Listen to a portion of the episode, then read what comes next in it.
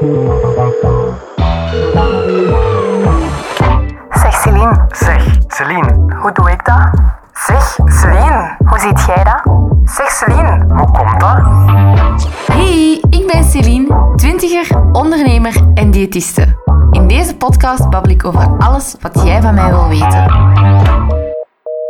Hey en welkom bij een nieuwe aflevering van Zeg Celine.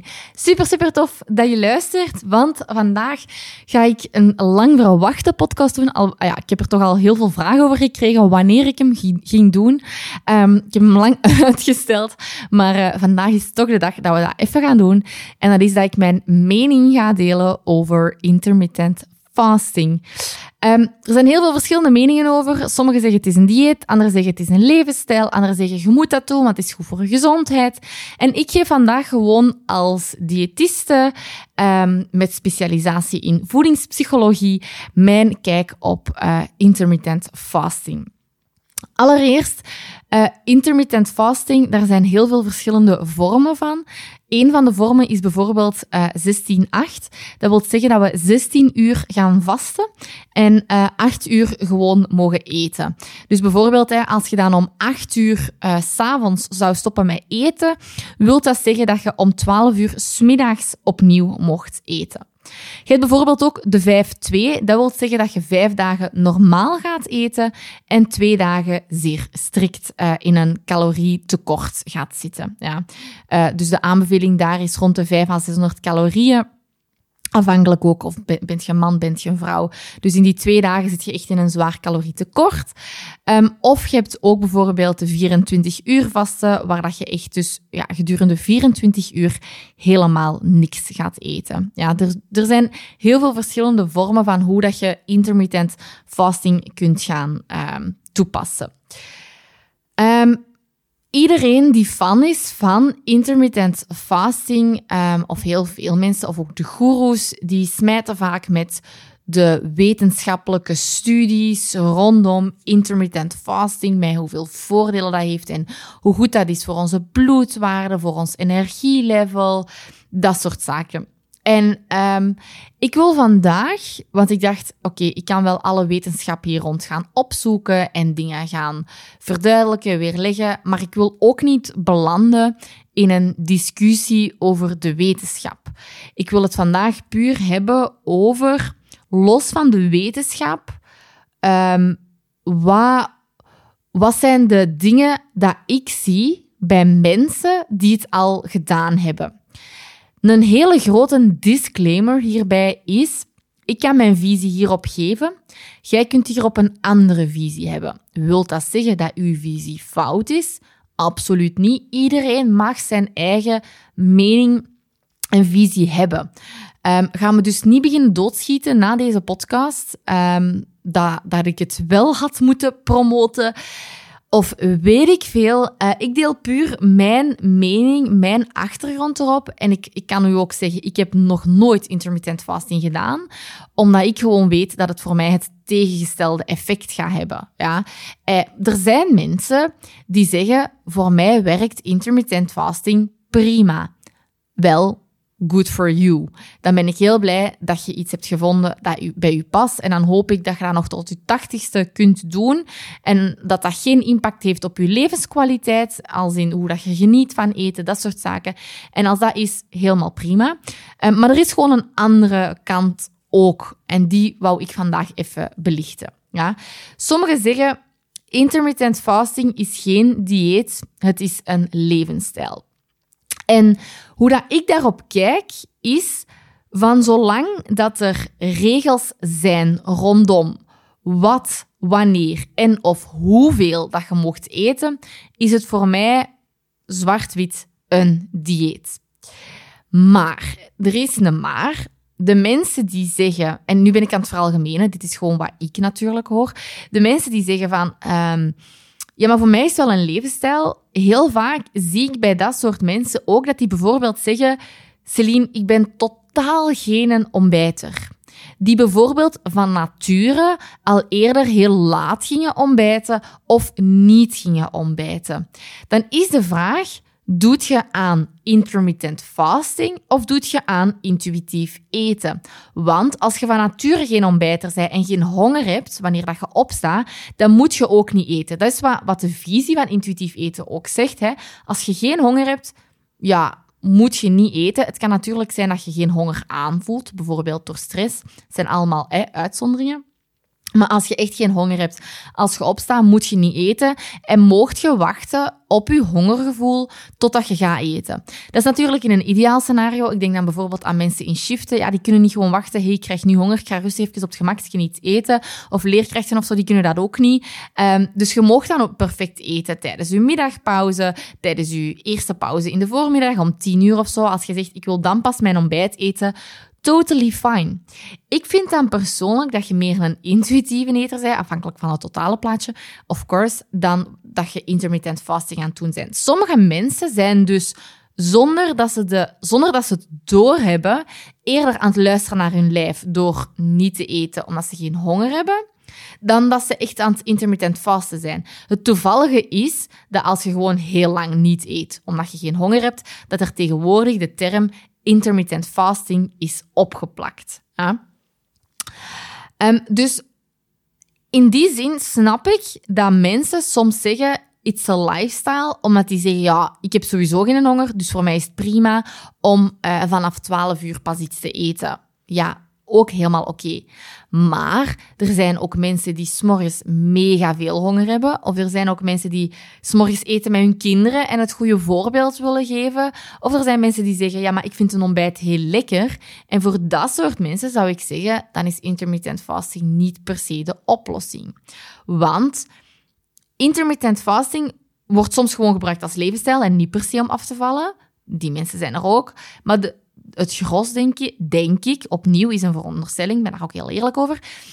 Het gros van de mensen die starten met intermittent fasting, doen dat met als mening of als, als doel, ik wil afvallen. En wat we gewoon moeten weten is, los van alle wetenschap die misschien aangeeft dat het voordelen heeft op onze gezondheid, zijn de verlaging van cholesterol, verlaging van bloeddruk, meer energie, dat soort zaken. Los daarvan, want daar wil ik vandaag niet over uitweiden, um, werkt intermittent fasting dan zoals eender ander dieet, zijnde een calorierestrictie of een, een calorie tekort, waarin we dus uh, ja, veel minder calorieën gaan binnenkrijgen, wat heel logisch is als je maar een, bepaalde tijd per dag mocht eten. Alhoewel, dat klinkt logisch, maar dat is het niet per se, want je hebt dan natuurlijk ook nog de mensen die als ze om 12 uur mogen eten, die dan echt ziek gaan schrokken omdat ze sterven van de honger. Dan zit je niet per se in dat calorietekort en gaat je ook niet per se dus afvallen. Maar dus de meeste mensen doen het om af te vallen en in dat opzicht ja, werkt intermittent fasting zoals eender ander dieet dat wanneer dat je um, meer calorieën gaat verbruiken dan wanneer dat je inneemt, dat we gaan vermageren. Is het zo simpel? Nee, wanneer dat we echt te weinig calorieën gaan binnenkrijgen, dan gaat ons lichaam daar ook op reageren door bijvoorbeeld je stofwisseling te gaan vertragen. Dit is gewoon heel individueel te bekijken, want je kunt hier algemene uitspraken over doen, maar ik denk dat het altijd individueel, individueel te bekijken is. Maar stel dat je iemand hebt met een verstoorde relatie met eten. Wat is dan een verstoorde relatie met eten? Dat heb ik al in verschillende podcasts verteld, maar moest je een nieuwe luisteraar zijn, leg ik het u, vaak even, uh, leg, ik het u nog maar graag even uh, uit. Verstoorde relatie met eten, dat is wanneer dat iemand schuldgevoelens ervaart als hij iets minder voedzaam eet. Zijn vaak ook de mensen die heel zwart-wit denken, in alles of niks. Hè. Ineens alles gezond eten of, of, of niks meer uh, ongezond eten. Um, of als ze dan het niet kunnen volhouden, ineens alle remmen ook loslaten. Mensen met een verstoorde relatie met eten hebben heel vaak al heel veel diëten gedaan en zijn obsessief met die weegschaal, uh, met dat dat getalke omlaag gaat. Mensen met een verstoorde relatie met eten hebben heel vaak ook heel veel eetbuien. Hoeft niet altijd zo te zijn, maar is vaak zo. En mensen met een verstoorde relatie met eten doen ook heel vaak aan emotie eten. Ja?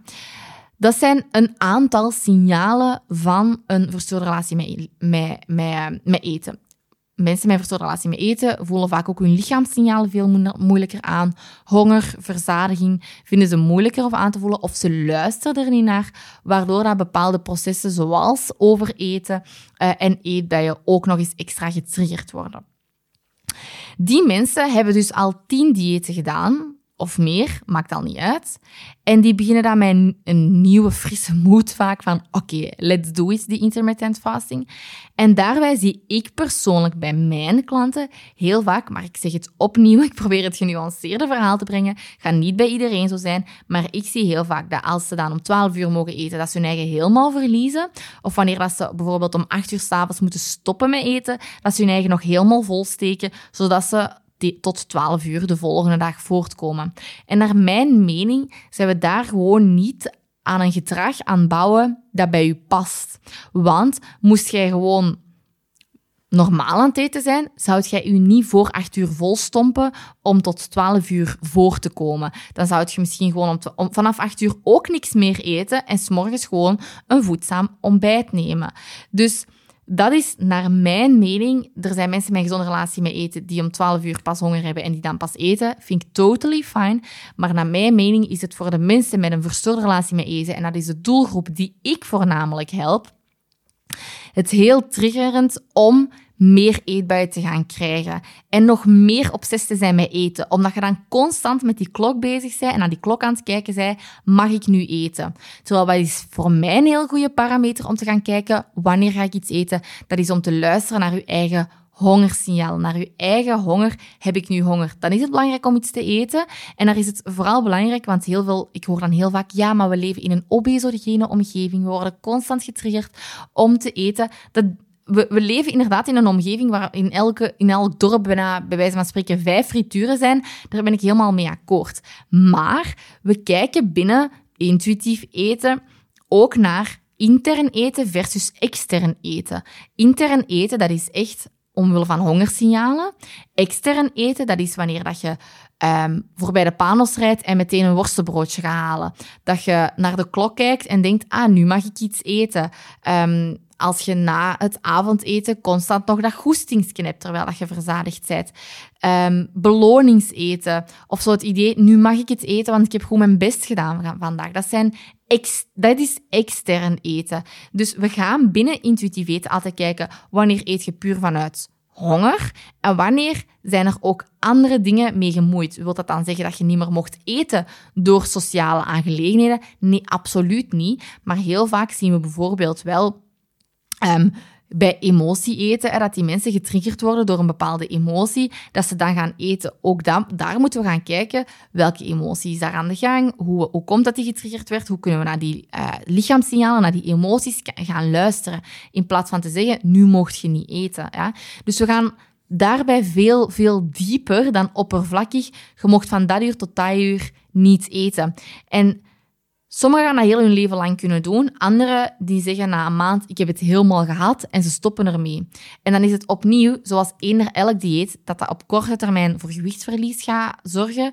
Maar je moet je eigenlijk altijd de vraag stellen, is dit iets dat ik tot mijn tachtigste kan doen? Als, de, als het antwoord daar ja op is, prima. Heb je dan een algemeen gezonde leefstijl en zegt dit kan ik gemakkelijk tot mijn tachtigste doen, dan zijn je goed bezig. Ze hebben zoiets van, amai, nee, hoe moet ik dit doen? Hoe moet ik dit volhouden? Zelfs tien jaar, vijf jaar, twee jaar, een jaar. Als je die bedenking al hebt, dan moet je er niet aan beginnen, want dan weet je gewoon dat je die rebound van dat gewicht altijd gaat hebben. Ja? Dat is hoe ik er naar kijk. Ik zie mensen dat daardoor extra getriggerd worden in eetbuien, in eten wanneer dat de klok het zegt, in extern eten, in bingen. En niet zozeer in het opbouwen van een gezonde relatie met eten, want dat is bij die mensen ook heel belangrijk. Maar daarnaast ook het opbouwen van een, gezonde, een gezond eetpatroon dat je op lange termijn kunt volhouden. En dat is gewoon binnen intuïtief gaan eten, gaan we kijken wat past er bij u en niet oppervlakkig. Oké, uh, die 16-8 is iets wat bij iedereen werkt, dus jij moet dat ook doen. Nee, daar is het net heel specifiek gaan kijken wat werkt er voor u en niet dit dieet werkt voor iedereen en het zal zo zijn. Ja? Dat is hetgeen dat ik het belangrijkste vond vandaag om te vermelden, zonder erin zwart-wit te zijn. Ik ik zie in dat het voor sommige mensen helpt, voornamelijk voor mensen met een gezonde relatie met eten, ehm, die misschien bepaalde structuren nodig hebben, die zeggen dat werkt voor mij het beste en dat vind ik ook totally fine. Uh, voor andere mensen gaat het totaal niet werken. En ik denk dat dat bij alles altijd zo is, maar dan heb je een keertje um, mijn mening erover. Ik vond dat wel belangrijk, omdat ik er zoveel vraag naar kreeg, dat ik dacht, ik ga een keer erover vertellen. Um, zonder het helemaal af te wijzen, alhoewel dat ik het nog steeds een dieet vind, of course. Um, maar ik ga ook niet ontkennen dat het voor sommige mensen prima werkt, maar ook voor heel veel mensen helemaal niet werkt. En ik denk dat dat altijd zo gaat zijn bij eender welke methode. Alright? Merci om te luisteren. Deel gerust de podcast in je stories of stuur hem naar iemand door die eventueel bezig is met intermittent fasting, waarvan je zegt van, ah, ik weet niet wat hier echt mee geholpen gaat zijn. Hopelijk eh, kan ik dat soort mensen hier ook mee helpen. Alright? Doei doei! Merci om te luisteren naar deze aflevering. Heb je zelf nog een Zeg vraag, dan kun je die altijd insturen via de link in de beschrijving.